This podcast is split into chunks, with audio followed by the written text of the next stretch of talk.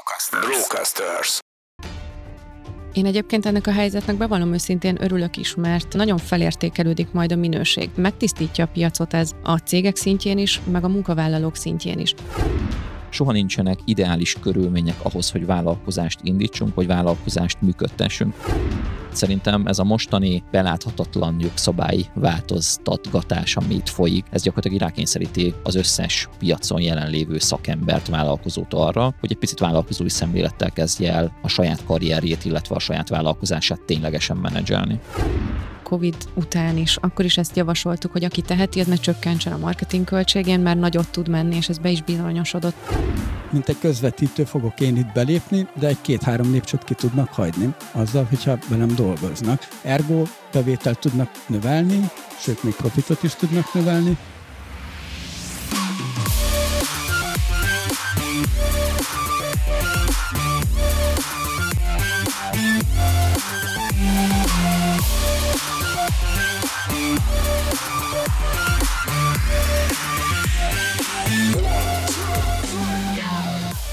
Nagy szeretettel köszöntünk mindenkit a Business Boys Podcast legújabb epizódjában. Azért köszöntem így, mert a Mester Tomi így szokott köszönni, és annyira hiányoljuk őt, hogy két vendéget is hoztunk helyette. Na persze nem feltétlenül helyette, hanem önmagukban is rendkívül értékes személyekkel ülünk együtt. Magyko Noémivel, a Kiro Marketing ügynökség vezetőjével, és Erdősi Gellértel, a CV Shark vezetőjével ülünk együtt. Itt van persze Virágati is. Szavazati. Hello, hello. És akkor köszöntelek Noémi. Sziasztok. És Gellért. Sziasztok, kedves hallgatók! Mester Tomi pedig otthon van, szülési szabadságon, mi pedig nélküle is robogtatjuk tovább a Business Boys podcastet, és arra gondoltunk, hogy annyi minden történik és változik körülöttünk így az életben, még akkor is változna nagyon sok minden, hogyha egyszerűen csak szeptemberre készülnénk. Ugye azért a legtöbb vállalkozás esetén azért a nyár sokszor egy uborka szezonnak számít, na persze nem a rendezvény szervezésben vagy a vendéglátósoknál, de azért a legtöbb esetben, a legtöbb bizniszben itt azért van egy kicsi megpihenés és egy ilyen stratégiai újragondolás. De szerencsére a világ gondoskodott arról, hogy nekünk legyen más programunk is erre az időszakra, úgyhogy mindenkinél volt egy komolyabb újratervezés, azt gondolom.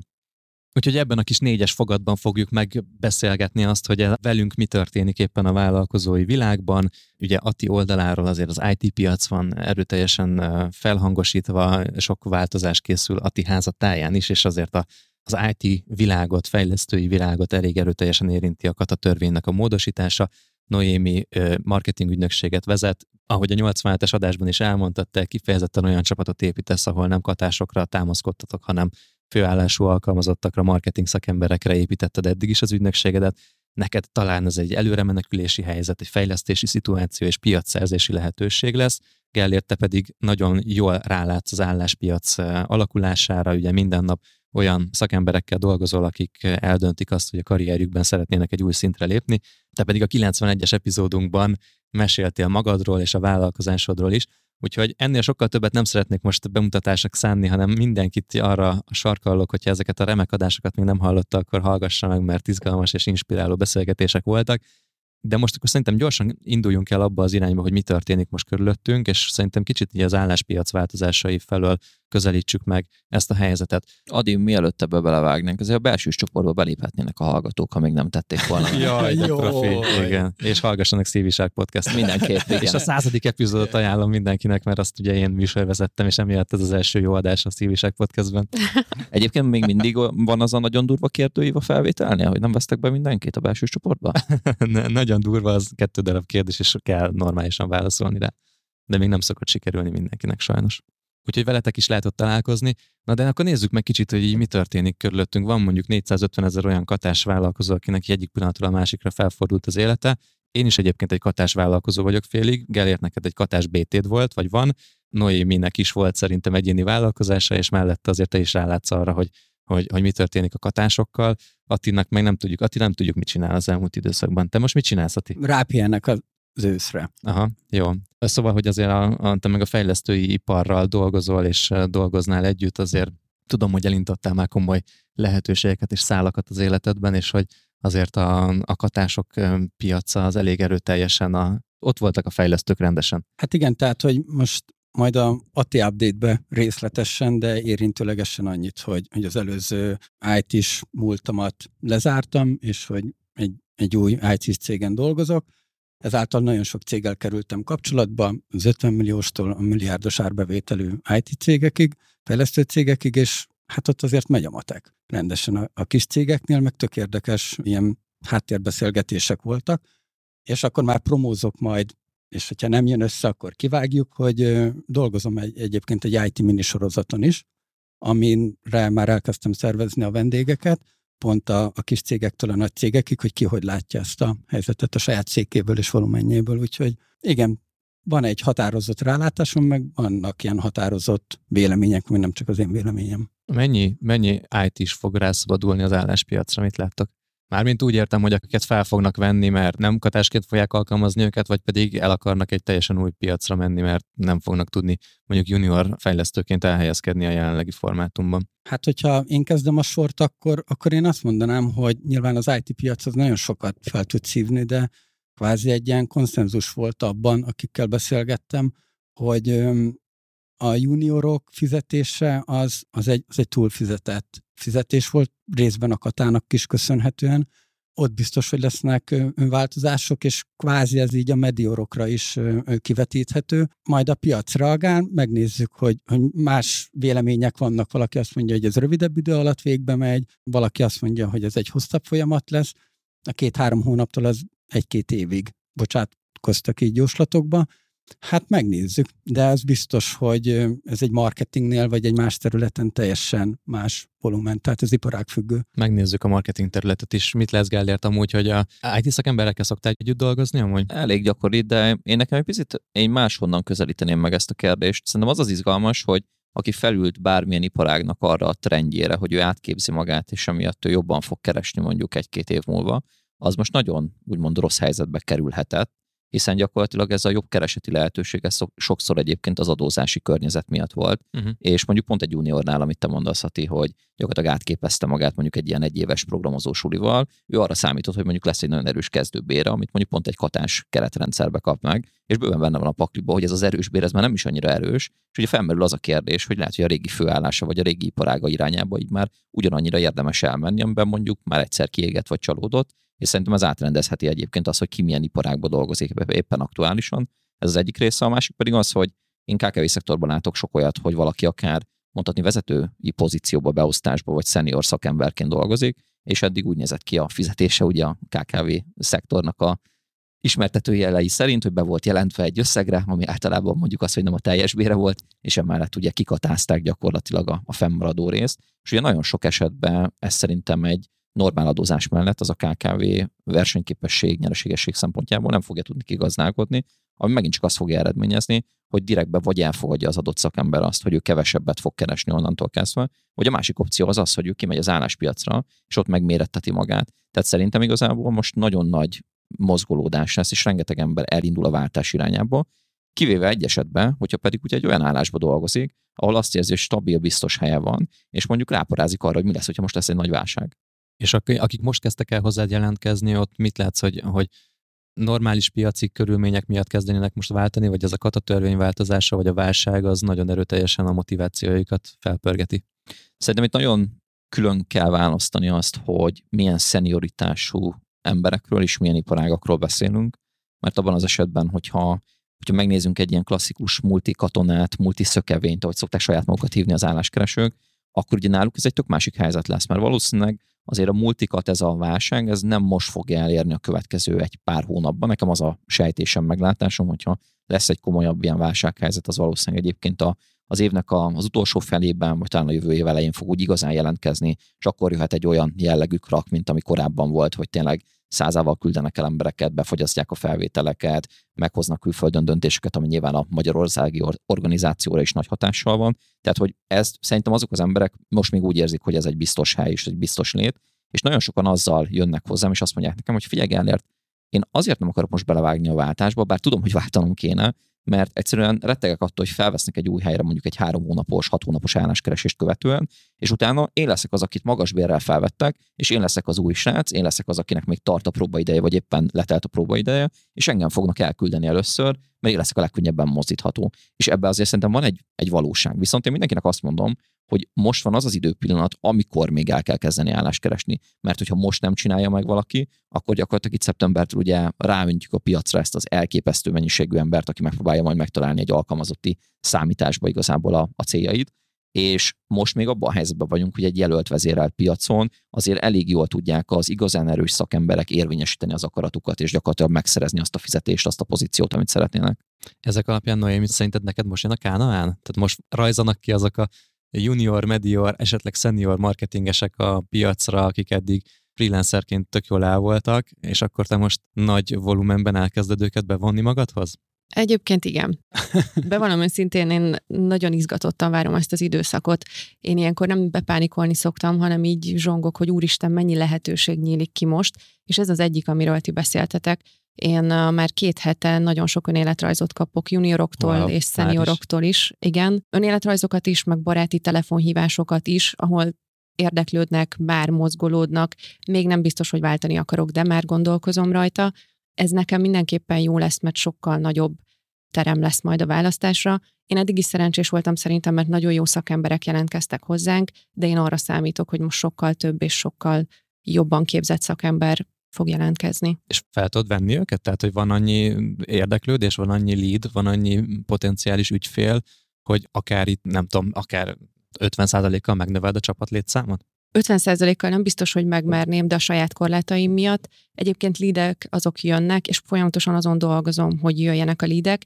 Egyelőre ilyen őrült növekedés nem akarok én sem, vagy bővülés nem akarok még véghez vinni, pont amiatt, mert most a hatékonyságjavításon dolgozom, hogy több munkát ugyanannyi emberre jobb minőségben el tudjunk végezni, de egyébként éppen most fog megnyílni két új pozíció nálunk, tehát bővülünk. Uh-huh. Nem érzed, hogy ha most ilyen kicsit ilyen óvatosan hatékonyságnövelésre fókuszálva, picit azért ilyen kéziféket behúzva mész, akkor pont lemaradsz egy, egy nagy, nagy lehetőségről? Két irányból az egyik az, hogy mondjuk a legjobb szakembereket gyorsan felszippantja a piac, és hogyha te azt mondod, hogy hú, nem akarok túl nagyot nőni, akkor elveszíted őket, vagy pedig másik oldalról, hogy hogy lehet, hogy elég sok olyan cég lesz, aki ügynökség nélkül marad valójában, mert ezek a katás összegyűlő csapatokból kreált, verbuvált ügynökségek már nem fogják tudni őket kiszolgálni. Kicsit óvatosan fogalmaztam, ez óvatos hatékonyság növelés nálunk most egy ilyen őrült versenyfutás, tehát szerencsétlen kollégáimat így napi szinten terrorizálom ezzel a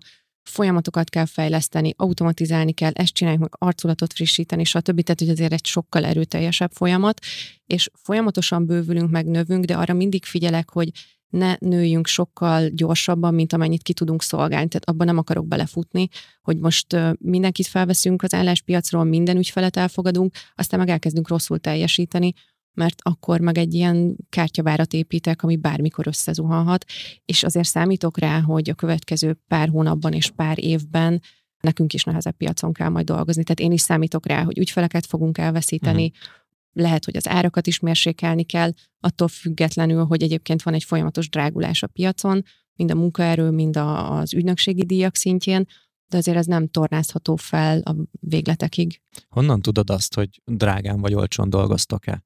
Hát azért kérdezem ezt, most nyilván magától értetődő lenne, hogy visszamondják egy ajánlatra, hogy ez túl drága, de azért a legtöbb esetben nem így történik egy ajánlatnak a el nem fogadása, hanem mondjuk eltűnik egyszerűen a, a, az ügyfél, az érdeklődő.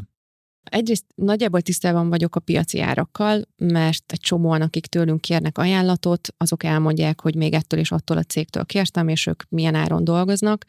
Másrészt meg én pont emiatt nem igazán az ára fókuszálok, hanem brandet építek, tehát általában hozzánk azok jönnek, akik nem kifejezetten árérzékenyek, hanem azt mondják, hogy én veletek akarok dolgozni. És nem is annyira kérdés az ár, nyilván van egy takaró, ameddig lehet nyújtózkodni, de nálunk ez már nem kifejezetten kérdés. Amikor azt mondod, hogy nem az ára fókuszálsz, akkor azt úgy érted, hogy van egy beárazott szolgáltatási csomagod, azt most hagyod úgy, ahogy van nagyjából, és inkább arra fókuszálsz, hogy vonzóbbak legyetek, és emiatt igazából nem is ebben gondolkozol, hogy hogyan fejleszd az ajánlatodat. Nagyjából igen. Uh-huh. Ez tök jó. Amúgy ez tetszik ez a gondolat, mert, mert én is ugyanebben vagyok nagyon sokszor, és pont a Gellértel szoktunk erről beszélni, hogy hogy az, az árazás az legyen egyedi, eltérő árazással menjünk, vagy legyen transzparens az árunk, és nekem most éppen ez a egyik legnagyobb ilyen kihívás, hogy a, hogy a Broadcastersnél kísérletezem azzal, hogy transzparens az árunk, nem egyedi árakkal dolgozunk, régebben pedig egyedi árazás volt, egyedi ajánlatokat adtunk ki, és hogy nehéz így eldönteni azt, hogy hogy mire fókuszáljak. És közben meg persze itt van az a példa, amit te mondasz, hogy van egy árazásunk valamilyen, olyan, amilyen neked a legjobb éppen, és nem erre fókuszálsz. Igazából nekem sem fix áraim vannak, hanem egy tóligár, mert uh, nyilván valamennyire az egyedi szempontokat bele kell vinni. Egy kis cégnél kevesebb munkaórában kell ugyanazt a feladatot, vagy kevesebb munkaórával el lehet végezni ugyanazt a feladatot. Egy nagyobb cégnél, ahol ötkörös jóváhagyás van, ott effektíve több munkaórát kell beletenni, tehát nem tudom fixálni. Transzparensé én szerintem soha nem fogom tenni az áraimat teljesen, mert egy csomó olyan szolgáltatásom van, amit így alátámasztok, hogyha beszélgetünk, de hogyha valakihez kikerül és látja, hogy az X forint, a másik cégnek meg 80 százaléka az X-nek, akkor, akkor egyértelműen őt választaná, de így, hogy mögé tudom tenni azt a minőséget, amit szolgáltatunk, így azért versenyképesebb vagyok.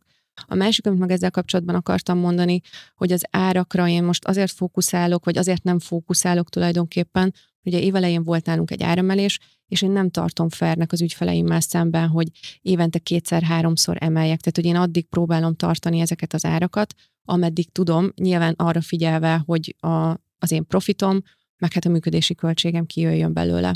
Na akkor mit gondoltok arról, amit most így bedobok ilyen vitatémaként, hogy nekem kifejezetten közel van a gyomorforgatóhoz az, hogy most az elmúlt hetekben mindenki azt kiabálja, hogy emeljárat, így emeljárat, úgy emeljárat, és egy... Vannak már ilyen áremelő workshopok is, igen, meg igen. külön erre vannak mentorprogramok.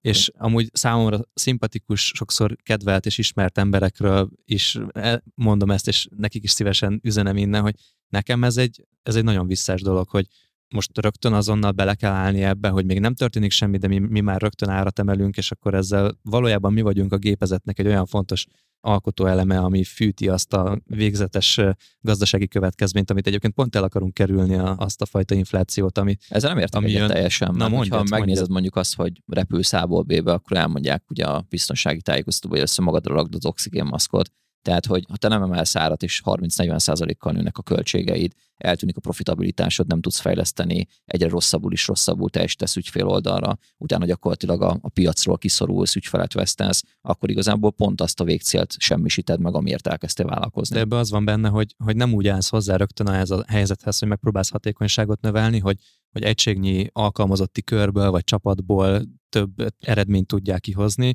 hanem azt mondod, hogy minden maradjon úgy, ahogy van, nekem ennyibe került eddig a munka elvégzése, akkor rádobok 20-30 százalékot, és akkor megy minden tovább, mint semmi se történt volna. Ne ezzel meg egy picit, hogyha vitatkozhatok, akkor azt mondod, hogy eddig nem működtél optimálisan, és valójában eddig nem úgy vállalkoztál, amennyire a legoptimálisabb lehetett volna. Szerintem itt az idő arra, hogy egyébként ezzel a dologgal szembenézzen mindenki. Hát nekünk, nekünk ez az időszak pont arról szól, hogy azt látom, hogy mennyire nem működtünk optimálisan. Nem arra hajtok éppen, hogy, hogy 20-30 százalékkal, 40 százalékkal növeljem az áraimat, hanem arra, hogy amúgy azzal a csapattal, akivel dolgozom, végre hatékonyan működjünk. Én azt vettem észre, hogy körülbelül ilyen 65-70 százalékos működési költségekkel mentünk az elmúlt hónapokban már, ami őrületes, tehát hogy, hogy nem is tudom, hogy hogy gondoltuk eddig ezt, és, és hogy valójában ezt kell megváltoztatnunk egy egészségesebb szintre. Ebben nekem tökre nem fér bele az ebben a ponton, hogy még, még árat is emeljek. Egyébként lehet, hogy én vagyok naív. Szerintem a legtöbb cég egyébként így működik, mint ti, hogy azt hiszik, hogy optimálisan működnek, de egyébként baromira nem működnek optimálisan. Egy csomó pénz kifolyik itt-ott, nincsenek meghatározva a költségkeretek, és ezek szerintem ezek a cégek most nagyon kell, hogy fókuszáljanak az optimalizálásra, és a, ebben a kérdésben én, én veled értek egyet, Adrián, hogy én sem árat, árakat akarok emelni. Lehet, hogy eljön az a pont, amikor kell, de először meg akarom nézni, hogy mit tudok hatékonyabban csinálni. Mi az, ahol kevesebbet tudok költeni? Mi az, ahol eddig kifolyt a pénz, irodaszépítésre, könyvekre egy csomó pénzt elköltöttem, ezeket most vissza fogom tudni fogni nyilván. Lesznek olyan kiadások, amiket nem fogok vissza, hanem még jobban megtolok, ilyen lesz a marketing és az oktatás, de alapvetően inkább a hatékonyságot akarom javítani, azért, mert amúgy meg nagyon tisztelem az ügyfeleimet annyira, hogyha az én cégem nem működik teljesen jól, akkor ezt ne rájuk terheljem, ne az ő áraikat emeljem, amúgy is az elmúlt két évben ugye volt egy nagy Covid-válság, tulajdonképpen ők mentettek meg minket, az, hogy ők megbíztak bennünk, az, hogy ők nem csökkentették a költségeiket, ők velünk maradtak. Én ezt most megpróbálom nekik úgy meghálálni, hogy nem az első lesz, amihez hozzányúlok, az az ő árazásuk. Lehet, hogy soha többet nem fogtok meghívni ebbe az adásba, de nem értek egyet, mert hogy ezzel gyakorlatilag azt mondod, hogy az eddigi hatékonytalanságot az gyakorlatilag eddig nem érezted rosszul magad, hogy ezt az ügyfél fizette meg, most meg rosszul érzed magad. Tehát azzal igazából, hogy ezt mondod, azt mondod, hogy korábban igazából az ügyfelet fizette meg azt, hogy te nem gazdálkodtál jól. Ami ugyanúgy, ugyanaz az üzenet, mint amire most mondod, hogy ezt nem szeretnéd. Lehet, hogy így van, de eddig nem tudtam, hogy nem vagyok hatékony, mert nem voltam rákényszerítve erre a hatékonyságra, és azt hittem, hogy nyilván az ember azért csinálja azt, amit csinál, mert azt gondolja, hogy az jó. Én eddig azt gondoltam, hogy az jó, és az a lehető legjobb. Aztán most jött egy olyan helyzet, ami belekényszerít abba, hogy nézzem meg, hogy biztos, hogy ez a legjobb. És már most kiderült, hogy nem, nem biztos, hogy eddig a legjobb formában működtünk. Szerintem ezt a, az áremelés meg egy ilyen tényként közli, vagy tényként kezeli mindenki. Honnan tudjuk azt, hogy a piac ki fogja tudni fizetni az áremelést? Honnan tudjuk azt, hogy, hogy tehát azért a Covid is megmutatta, hogy nagyon érzékenyek a vállalkozások. Persze tartalékképzést, nagyon sok mindent el lehet mondani, de most itt egy globális állítólag, én nem vagyok közgazdász, meg nem tudok ebbe érdemben állást foglalni, de hát nálam nagyobb tudású emberek azt mondják, hogy egy hasonló, mint a 2008-as válság. Hasonló válság fog jönni. Tehát, hogy, és akkor itt van még a háború, energia, tehát egy csomó olyan dolog van, amit senki nem tudja, hogy hogy fogunk túlélni, vagy hogy fogja a KKV-szektor túlélni, mert leszűkíthetjük ezt a katásokra, de érdemben fog a KKV-szektor is érintett lenni ebben az egészben, és nem, hall, nem hallok olyanokat sem tévében, sem politikusoktól, senkitől, hogy mi lesz a KKV-szektorral, hogy fogják őket segíteni. Tényként kezeljük azt, hogy ö, például a ti esetetekben egy marketingügynökséget, egy podcast ügynökséget, vagy a szívi sárkot ki fogják tudni fizetni. De ki? Hogy? Miért? Gellért említetted is, hogy valaki már elbizonytalanodva hívott, hogy, hogy hát inkább megy a biztosra, vagy a vélt biztosra. Tehát, hogy, hogy ez az áremelés, oké, okay, emeljen árat, aki tud, de ki fogja kifizetni?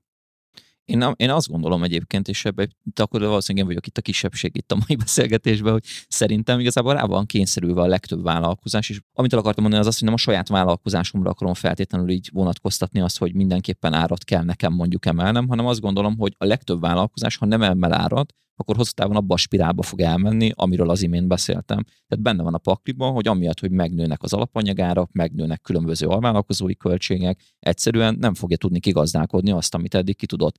Ma a reggeli példa, az eddigi 1240 forintos latté, az most már 1390 forint. Tehát, hogy szerintem ezt mindenhol meg fogjuk érezni, és ez azt fogja jelenteni, hogy nyilvánvalóan azok a szolgáltatások fognak menni a levesbe, amik nem feltétlenül minden áron szükségesek.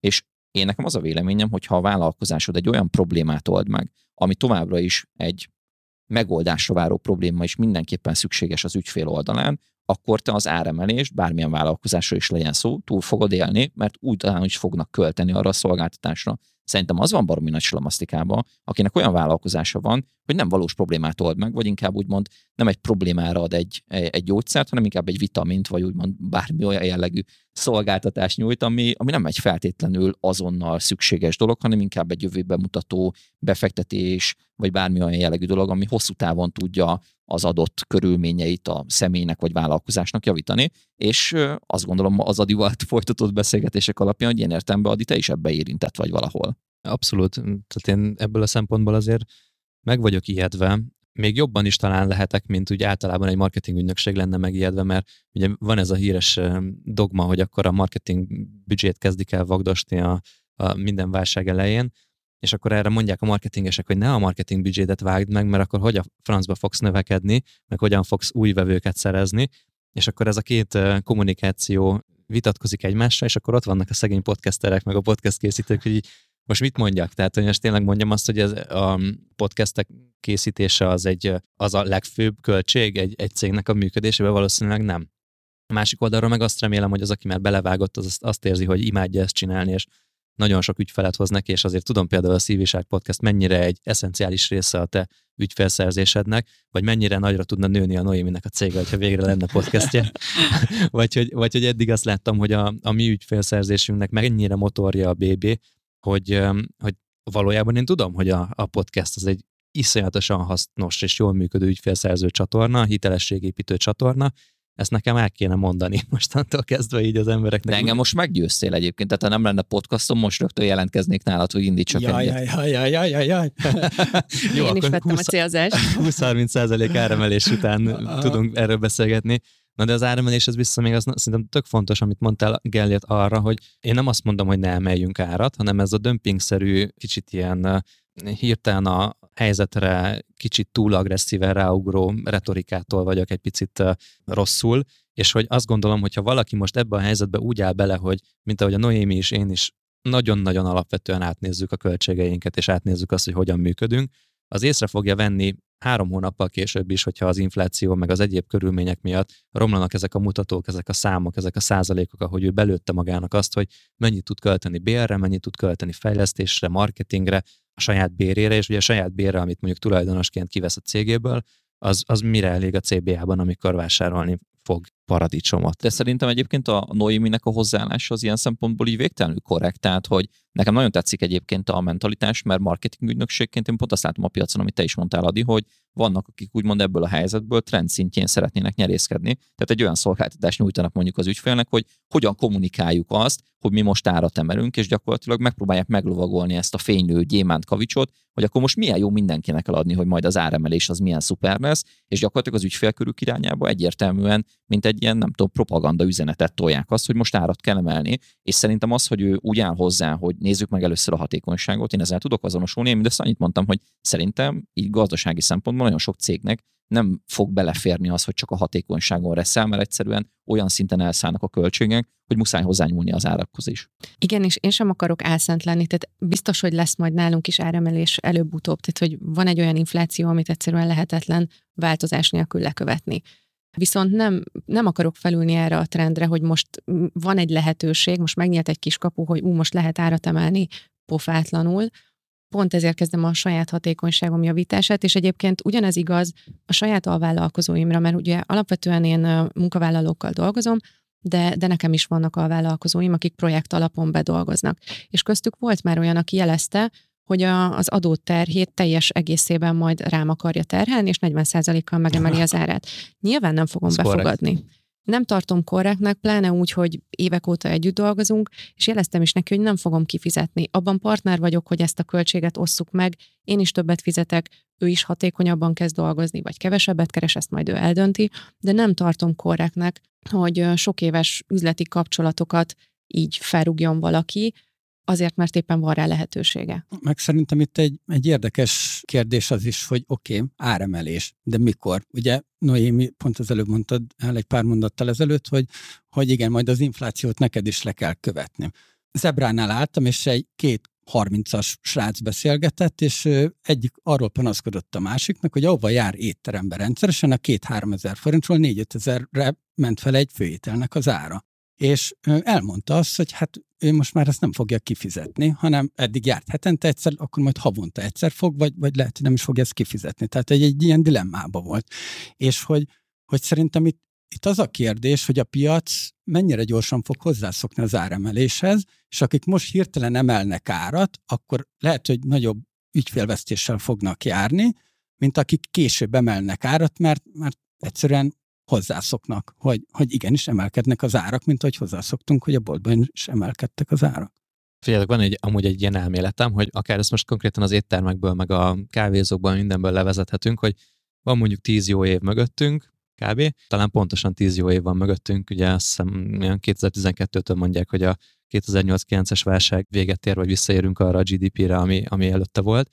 Tehát, hogy körülbelül pont 10 évnél járunk uh, ilyen jóléti fejlődési világban, ami ugye azzal járt, hogy egy óriási ilyen kínálatnövekedés jött. Minden sarkon megnyíltak a, a különböző kézműves kajáldák, az összes nemzetnek a mindenféle kajája bejött, és elérhetővé vált, nagyon sok rétű és színes lett az a kínálat, amiből lehet válogatni. Ez ugye elszippantotta a, a munkaerőt is, és már hogy minden ilyen nyíltak a lehetőségek, nyíltak a helyek, és ezeknek emberekre volt szüksége, akik viszont látták azt, hogy mennyire nagy igény van rájuk, hiszen ők véges számúak, ezért elkezdtek árakat vagy bér növelni, ezt majd a Gellért megerősíti, hogyha egyetért ezzel. És hogy valójában én azt mondom, és ez ugyanigaz szerint, ugyanez igaz talán a marketing ügynökségekre is, ugyanez igaz az IT fejlesztő cégekre, sok mindenkire, hogy, hogy mindenki annyira nagy lehetőségeket látott, hogy, hogy nem a feltétlenül a, a tényleges szükséglet mentén növekedtek az alternatívák, és növekedett a kínálat, ez ugye vonta magával a béreknek és a különböző költségeknek a növekedését, ami talán azért hozzájárult ehhez a helyzethez, amiben éppen vagyunk. Mit gondolsz erről, Gália? Abszolút, tehát hogyha megnézzük azt, hogy például csak ilyen alapstatisztikákat, hogy mennyi a foglalkoztatottságnak úgymond a, a rátája, tehát hogy hány ember van foglalkoztatva Magyarországon. Ugye, ha jól emlékszem, akkor Budapesten ez egyébként az első negyedévet követően közel 80% volt, tehát a foglalkoztatottság, és a munkanélküliség is ugye drasztikusan alacsony ahhoz képest, amilyen ugye korábban volt ami azt jelenti, hogy igazából közelítünk ahhoz a, az állapothoz, amit talán a szocializmusban volt, hogy szinte mindenkinek van munkája. És az minimum, is, minimum közmunkája. Igen, minimum közmunkája. És az is érdekes, amit Noémi mondott, hogy ugye hányan jelentkeznek most állásra, meg hányan jelentkeztek korábban. Megint csak egy ilyen KSH adat, hogy 10 állásra átlagosan 39 jelentkező volt így az évnek az első felében, ami azt jelenti, hogy gyakorlatilag ugye ilyen négyszeres túljelentkezés van gyakorlatilag állásokra, és nyilvánvalóan abban az esetben, hogyha nem ez a foglalkoztatottság lenne, és nem arról lenne szó, hogy hogy, hogy mindenkinek majdnem van állása, hanem több embernek kéne kényszerből állást keresnie, meg nagyobb lenne a mozgolódás a piacon, ami ugye most várható. Ez nyilvánvalóan azt fogja indikálni, hogy hirtelen ez a négyszeres szorzó, ez nem négyszeres lesz, hanem akár nyolcszoros. De szerintem ez ennél már most sokkal nagyobb, mint négyszeres Ez biztos, valójában. ez, mu- a múltról beszélgek most. Persze, amiről, hogyha a Noémi kirak egy állást, ez egyértelmű. Persze. 60-an jelentkeznek rá egyből. Nyilván egy ez, pozícióra. ez, biztos, hogy így van. Én ugye most egy múltbeli adattal uh, tudok dolgozni, hogyha bárki felmegy. Ami átlag ráadásul. Ami átlag ráadásul, tehát ha bárki felmegy a kására, ugye ott mindig a múltat fogja megtalálni, nem a jelent, tehát hogy ez egyértelmű. Ami talán még érdekes, hogy... Gyakran megyek a kása Igen, én is, én is minden reggel ott kezdem. Tehát, hogy igazából ugye azt érdemes megnézni, hogy hova fog ez az egész dolog eljutni, vagy hova fog vezetni, mert a mostani állás szerint azért, bárhogy is nézzük, nem annyira nagy verseny van gyakorlatilag állásokért, tehát igazából inkább a cégek versenyeznek a munkaerőért, és ezért tudják a munkavállalók érvényesíteni az akaratukat, ezért tudnak magasabb, akár irreálisan magas bért is kiharcolni, és ez a helyzet, ez ugye folyamatosan így gyakorlatilag egy ilyen görbeként változik, és ezek, ezek igazából tendenciák, meg trendek, ami éppen aktuálisan megvalósul. És nyilván ez, ez nem kell túl nagy közgazdaságtani logika, hogy az ember ráérezzen arra, hogy ez most át fog csapni megint a jelölt vezérelt piacról abba, hogy a, a cégek diktálnak ismételten, nyilván nagyobb lesz a verseny a pozíciókért, ezért egyre inkább számít az, hogy valaki mennyire képes magát értékesíteni a piacon, és nyilvánvalóan az be fog jönni a képbe, amit Ati mondott itt az elején, hogy már nem lesz az, hogy így puszira osztogatják a nagyon jó kezdőbéreket azoknak, akiknek fogalma nincs az állásról, mert nem arról van szó, hogy úristen, csak találjunk valakit, aki elvégzi a munkát, és akár Marika néni is beállhat, nem tudom, kódolni angulárba, tehát hogy nem ez lesz a helyzet, hanem nyilván arról lesz szó, hogy, hogy kell találni egy, egy olyan embert, akit ki tudunk gazdálkodni, viszont legyen jó, mert hogyha nem jó, akkor az nem fog beleférni a cégnek, és nyilván itt lesz az a, az a pont, ahol rájönnek a cégek, és ez kapcsolódik ahhoz is, amit Adi mondtál, hogy gyakorlatilag itt most azért a, a gazdasági, nem tudom, fellendülésnek következtében rengeteg olyan cég, rengeteg olyan piac, meg olyan üzleti dolog elindult, amit igazából csak azt tudott életbe tartani, hogy mindenkinek nagyon jól ment, rengeteg pénz volt, volt pénzt költeni effektíve. Viszont ahogy mindenki elkezd megtakarítani, ugye visszavágja azokat a, a költségeit, amit nem muszáj megtennie, onnantól kezdve ezek a nice to have kiadások, ezek itt szépen kezdenek eltűnni ebből az egyenletből. És ebben a pillanatban gyakorlatilag ott leszünk, hogy oké, okay, akkor tényleg ez nagyon keményen fog mindenkit és minden vállalkozást érinteni. Oké, okay, csak azért azt, azt meg elfelejtjük, vagy nem tudom, hogy erre gondoltál-e, hogy oké, okay, hogy a cég nem tudja, vagy nehezen tudja kigazdálkodni, és azt mondja, hogy te kevesebb pénzt fogsz kapni, de mellette, meg hogyha a nice to have költéseket visszavesszük, és nem veszünk annyi könyvet, meg irodára nem költ annyit ember meg a lakásra, akkor is a, a megélhetés, tehát a önmagában az, hogy létezel, az az élet is drágább lesz, ergo jobban fognak kardoskodni a munkavállalók vagy a jelentkezők. Nem véletlen, hogy amikor a, a Covid-ban volt ugye ez a helyzet, hogy Amerikába beöntöttek hány millió dollárnyi pénzt gyakorlatilag a gazdaságba, pont azért, hogy legyen fogyasztás. Úgyhogy abszolút egyetértek ezzel, amit mondasz. Én egyébként ennek a helyzetnek bevallom őszintén örülök is, mert nagyon felértékelődik majd a minőség. Egyrészt itt beszéltünk arról, hogy nem fognak elmenni étterembe annyian, de a jó étterembe el fognak menni, ahol jó a minőség, ahol, ahová évek óta visszajárnak. Tehát, hogy megtisztítja a piacot ez a cégek szintjén is, meg a munkavállalók szintjén is. Most eljön az az idő, korábban az volt, hogy hozzám jelentkeztek olyan irányosan magas bérigényel, jónak, kis jó indulattal sem mondható szakemberek, hogy a, tényleg a hajam Ez az nagyon politikailag korrekt volt.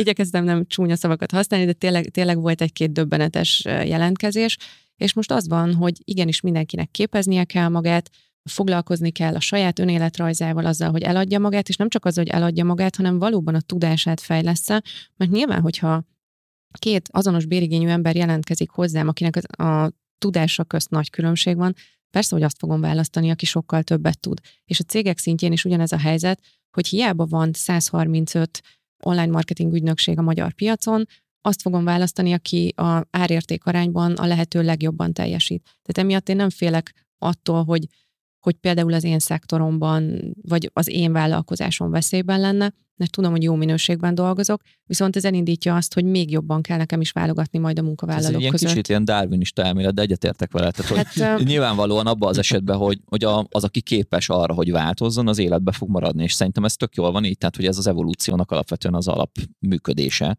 Tehát, Igen. hogy ez teljesen rendben van, és ezzel egyetértek, hogy azok, akik szerintem jó szolgáltatást, jó terméket raknak ki a piacra, azok nyilvánvalóan életbe fognak maradni, mert annak lesz még mindig keresete. Ugye ez ugyanaz a történet, amit az előbb mondtam, hogyha azt érzi a vásárló, akár valósan, akár valótlanul, hogy neki arra mindenképp szüksége van, akkor igenis fog arra allokálni forrást. Podcast miatt én ezért vagyok egy, vagy a saját helyzetemben ezért vagyok egy picikét azért nyugodtabb, mert hogy egyrészt azt gondolom saját magamról, hogy ha baj lenne mondjuk akár a podcast piac bedöl teljesen, ami egyébként most éledezik vagy indulgatnál, akkor is azért van egy olyan tudásom, amivel helyt tudok állni más módon vállalkozóként is, illetve szerintem pont nem az az idő jön, hogy majd az emberek kevesebb jó minőségű oktató jellegű vagy edukatív tartalmat akarnak fogyasztani. Talán pont ugyanez is eljön, amit a Noémi mondott, hogy egy cégnek meg kell mutatnia magáról azt, hogy, hogy nála komoly tudás van házon belül mert hogy azokat az embereket akarja elérni, akik ugyanerre reagálnak, és ugyanúgy egy olyan helyen akarnak dolgozni, ahol az ő tudásuk számít, vagy tanulni akarnak, és mondjuk ezekből a tartalmakból akarnak tanulni. Tehát ha a Noéminek lenne egy podcastje, akkor most szerintem ebben az esetben e, még inkább el kellene kezdenie kommunikálni azt, hogy ő mennyire e, jó marketinges amúgy, vagy mennyire jó cégvezető, mert hogy majd ki fog özönlenni egy csomó olyan ember a piacra, aki vagy marketinget akar tanulni, vagy egy olyan embernél akar dolgozni, mint a Noémi, de amúgy meg honnan tudja azt feltétlenül, hogy a Noémi olyan, amilyen. Ha csak nem a BB-t hallgatja, hiszen máshol nem hallhatja a jó hangját. Értem, értem. Meg lesz. Ide eszembe jutott egyébként tök érdekes gondolat. Van egy New York ingatlan broker, elég ismert itt közösségi médiában, Ryan Sörhent lehet, hogy sokan ismerik egyébként a nevét, vagy tudják, hogy ki ő. És neki egyébként a mondhatni ilyen eredet sztoria az az, hogy ő a válság, a 2008-as válságnál kezdett el ingatlan értékesítéssel foglalkozni, és nem emlékszem, hogy nála találkoztam meg gondolattal, vagy csak az ő videója kapcsán, de ez nagyon érdekes, hogy soha nincsenek ideális körülmények ahhoz, hogy vállalkozást indítsunk, vagy vállalkozást működtessünk. És szerintem ő mondta azt, hogy ő azért lett nagyon sikeres, nyilván ezt marketingesen szépen be lehet csomagolni, de azért lett nagyon sikeres, mert úgy állt hozzá, hogy azok a körülmények, amik éppen adottak, tehát hogy borzalmasan rosszak, annál csak jobb lehet, és hogyha ebbe túlél, akkor igazából később is életbe tud maradni. És én azt látom, és szerintem ez egy nagyon fontos eleme lesz ennek a válságnak, akár munkavállalói, akár vállalkozói oldalról, hogy be kell hoznunk ezt a darwinista szemléletet, és gyakorlatilag meg kell tanulni az embernek ahhoz hozzászokni, hogy nincsenek tökéletes, ideális körülmények, ömleni fog a, a szar is az égből, és folyamatosan változni fog minden akár számunkra kedvezőtlen formában, és gyakorlatilag meg kell tanulni egyrészt alkalmazkodni ehhez, illetve azzal a mindsettel működni, hogy oké, okay, most minden rossz, vagy még rosszabb lesz, viszont hogyha ebben megtalálom igazából azt, hogy működjek, akkor innentől kezdve hasítani fogok, és ebben növekedni fogok, és túl fogok élni. Ezzel tökre egyetértek, hát pont ezért vagyunk vállalkozók, vállalkoztunk valami izgalmasra, tehát mi a körülményeknek nem áldozatai vagyunk, hanem azokat próbáljuk kihasználni. Most az elmúlt tíz évben könnyebb időszakunk volt, de szerintem egy igazán jó vállalkozó az most meg tudja mutatni, hogy mennyire ért ahhoz, amit csinál, tudom, hogy ez nagyon kemény, főleg az én számból, de hogy aki meg nem elég jó vállalkozó, nincs elég jó cégen, nem elég hatékony, nem szolgáltat jó minőségben, én őt nem nagyon fogom sajnálni, ha eltűnik a piacról. Lehet, mert... nálad fog dolgozni. Ezt azért a Mar- Margit Hát ha nem jó, akkor nem. Hát ha nem úgy, de hogy, hogyha egyébként már valaki képes egy ügynökséget megcsinálni, csak nem tudja nagyon nagyra növelni, akkor ő lehet annak egy, egy reális tovább lépés az, hogy elmész senior marketingesnek valahova. Igen, itt azért cizellálnám, amit mondtam, de nem az a lényeg, hogy mennyire nagy, hanem hogy mennyire tud hatékonyan, jó minőségben dolgozni, és ahogy itt a, az előbb is beszéltük, hogy korábban mielőtt elkezdődött a felvétel, nem feltétlenül kell mindig mindenkinek vállalkoznia. Vannak emberek, akik az elmúlt években kényszer vállalkozók lettek, a hátuk közepére nem kívánják azt a bizonytalanságot, papírmunkát, az adminisztrációt, a folyamatos fejlődést, fejlesztést, ők csak valamiben nagyon jók, és azt akarják csinálni. És szerintem ezek az emberek most meg tudnak majd nyugodni, hogy végre visszatérhetnek ahhoz, amit igazán szeretnek, amiben igazán jók. És ez szerintem egy újabb jó Nagyon lehetőség. jól hangzik, de azért így nem engednélek ki így a Margit hídra egy hangos bemondóval, hogy ezt is nem, felolvasd. nem mennék oda most ezzel. Nem biztos, hogy a legbiztonságosabb döntés lenne. Igen, igen, igen. Jó, akkor szerintem, hogyha már Margit híd, szóval, hogy azért a katás dolog azért alapvetően egy ilyen kényszer alkalmazotti szituáció, vagy nem is tudom, nem alkalmazott, hanem egy ilyen kényszer számlázós alkalmazotti helyzet, amikor ugye jellegzetesen egy munkáltató felé számlázott valaki, vagy kevés munkáltató felé, hanem egyszerűen ez egy ilyen adó optimalizációs valami volt, szóval ez én nem tartom vállalkozásnak valójában. Tehát ez nem, nem, nem arról van szó, hogy itt van 450 ezer tényleg dörzsölt, tapasztalt vállalkozó, akinek most hirtelen elvágják az életben maradási lehetőségeit, hanem itt azért elsősorban azokat, azokról is kell beszélni szerintem, akik valójában nem vállalkoztak. Ez nem vállalkozás feltétlenül. Jó. Szerintem azért ez egy sokkal több rétegű dolog, mert a, a bújtatott munkaviszonyt igen, azt, azt el kell ítélni, és erről beszélek. És vannak olyan cégek, akik, akik sunnyog, el is sunnyogják ezt, mert hogy tudják, hogy bújtatott munkaviszonyban volt, alkalmaztak embereket. De viszont a másik oldalon meg ez nagyon sok olyan embert ellehetetlenít, takarítónő. Ismerek olyan takarítónőket, akik csak cégeknek dolgoztak. És most nekik egyik napról a másikra kihúzzák a, a lábuk alól a, a, a talajt.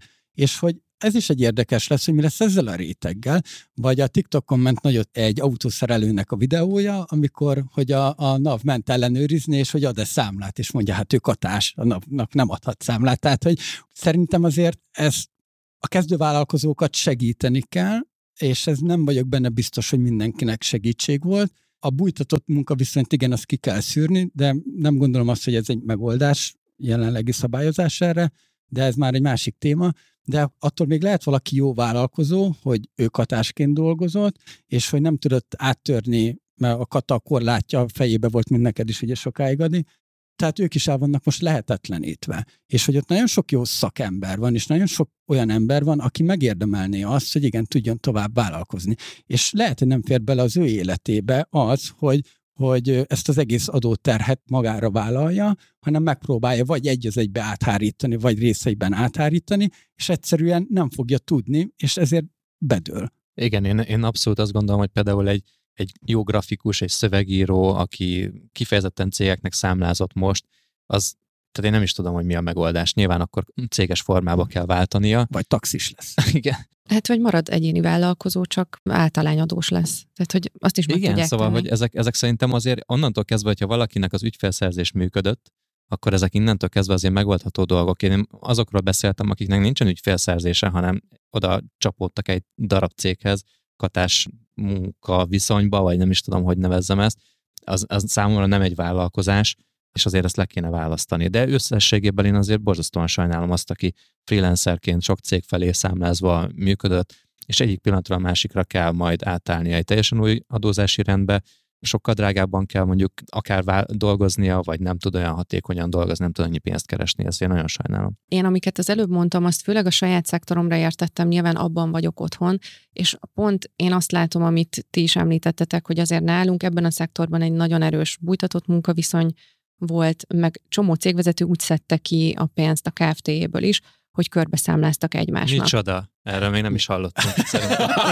Szerintem senki nem hallott, még a hallgatók Szóval sem. ez egyébként az én munkámat például Borzasztó. rettenetesen nehezítettem, mert Igen. hogy én kevésbé tudtam jó árakat adni, mint azok, akik mondjuk olcsóbban, magasabb fizetést tudtak adni a kollégáknak. Tehát, hogy ez az én szempontomból jó.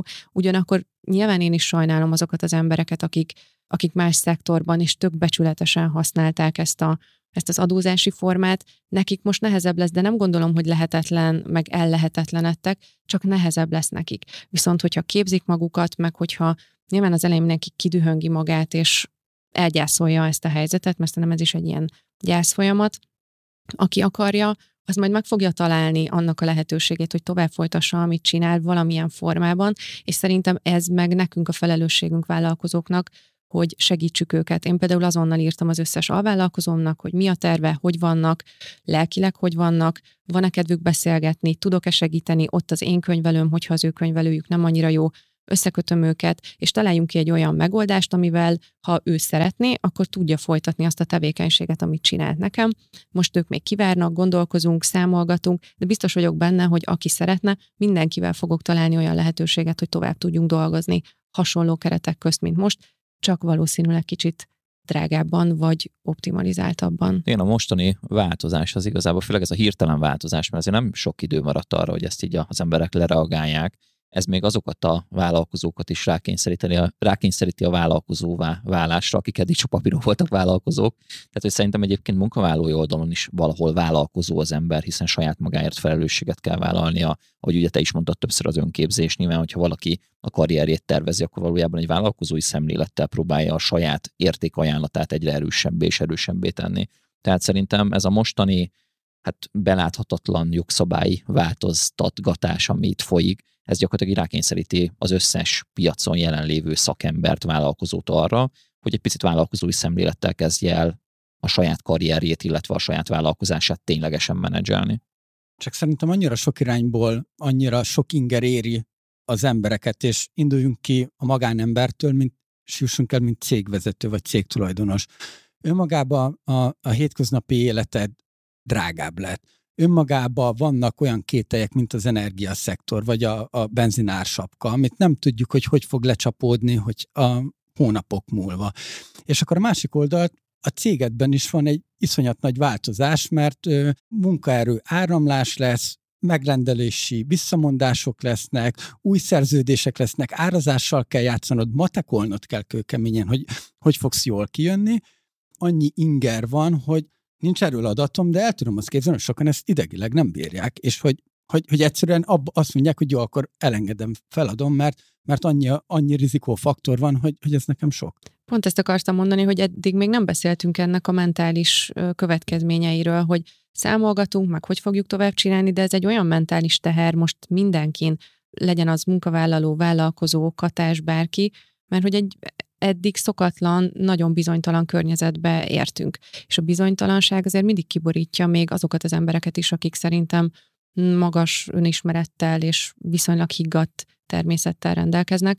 Én például most személyesen erre is fordítok időt, mert amikor jöttek ezek a változások, azért én is ültem egy hétig otthon, és néztem ki a fejemből, hogy mi a francot fogok csinálni, mi, mi fog változni, hogy fog ez a család, egyrészt ugye a cégemre, a munkatársaimra, meg hát ami még fontosabb, a családomra hatni, aztán meg rám is. Tehát, hogy kellett egy, egy kis higgadság, meg átgondolás, hogy jó, akkor most leülök, megnézem, hogy mik a lehetőségek, és próbálok arra fókuszálni, hogy ne bolonduljak meg egyáltalán ebben.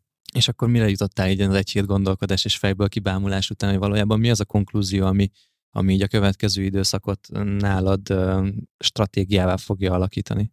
Hát én beültem egy tankba, és elindultam.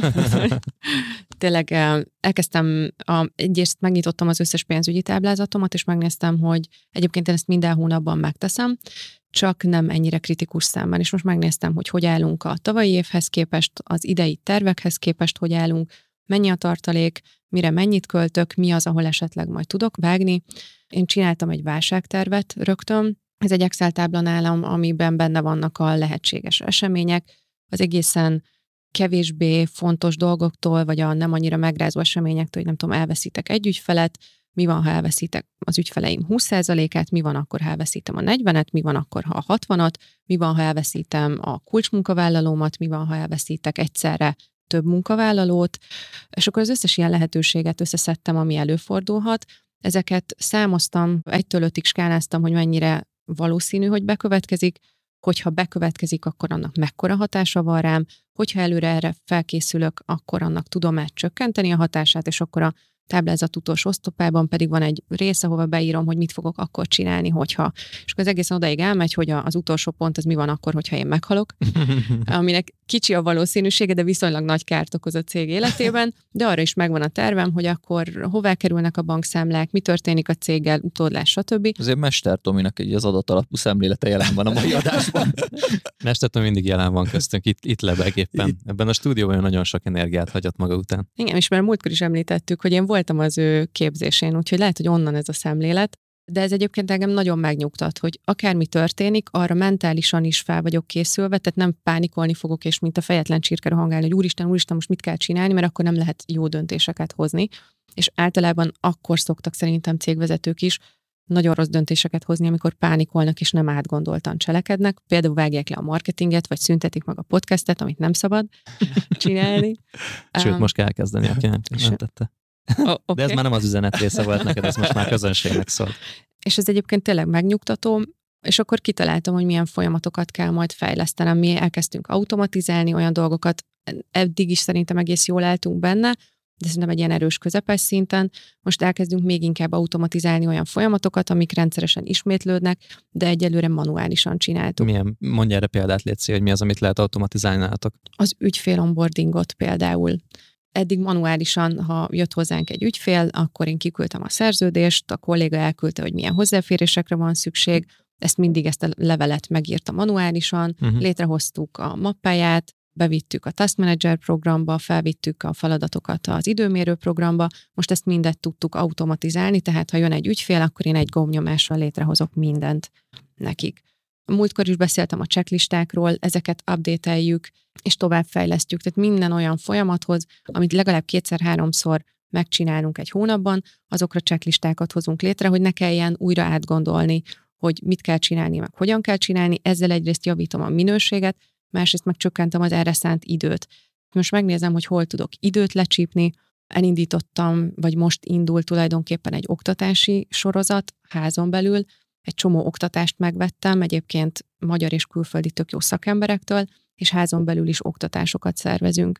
Elkezdtünk termékeket fejleszteni, megnéztük, hogy mik azok a termékeink, amik egyrészt profitábilisak, és mik azok a szektorok, akiket valószínűsíthetően kevésbé fog érinteni a következő válság, vagy a, az elkövetkezendő nehéz időszak, és megpróbálunk őrájuk fókuszálni. Tehát, hogy egy csomó olyan aprónak tűnő, de egyébként elég fontos lépés léptem meg, amik másfél éve benne vannak a fejemben, hogy ú, ezt kéne csinálni, de nem volt rá szükségem, tehát nem, nem voltam rá kényszerítve. Most azt érzem, hogy nagyon rá vagyok kényszerítve. Amikor azt mondod, hogy olyan szektorokat kerestél, ahol várhatóan kisebb a, a hatása egy válságnak, ott milyen cselekvési terveid vannak? Tehát, hogy közvetlenül mondjuk egy olyan cégnek fogsz írni, őket megkeresni, vagy akár a kommunikációdat olyan irányba állítod át, hogy inkább őket vonzza be, vagy mi a cél ezzel? Nem szoktam nagyon hideghívás, sőt nem igazán szoktunk hideghívásokkal élni, tehát a mi marketing stratégiánk az a tartalommarketing, cikkeket írok, ilyen beszélgetéseken veszek részt, előadok különböző rendezvényeken, és olyan helyekre igyekszem bejutni cégvezetőként, és mesélni egy kicsit magunkról, ahol azok a cégek vannak jelen, akik engem érdekelnek. És itt a kapcsolatépítés a másik, ami. Egy, de tök jó lenne egyébként egy, egy podcast is. Megmondom, hogy megmondom miért, mert most, mikor készültem erre az adásra, meghallgattam újra a te BB-s adásodat, és nekem például tökre tetszett abba az a gondolat, hogy így próbálod gyakorlatilag az összes dolgot így valamennyire kontroll alatt tartani, a legjobbat létrehozni, nem azt, ami neked tetszik, vagy az ügyfélnek, hanem gyakorlatilag azt, ami működik. És nekem ez a szemlélet például nagyon szimpatikus volt. Én nemrég bíztam meg egy marketing ügynökséget, nem titeket sajnos, akkor még nem tudtam, de ha lett volna podcast, akkor lehet, hogy máshogy alakul. Ha ezek után nem lesz podcastem, nagyon fogom szégyelni magam. És egyébként egy olyan marketing ügynökséget bízták meg, akiknek van podcast. És nekik van podcast. Igen, csak így teljesen véletlenül össze. Minden, minden igazából össze. Egy podcastben beszélgettünk, és te egy podcastot hallgattál Noémivel, na mindegy. Minden út a podcast.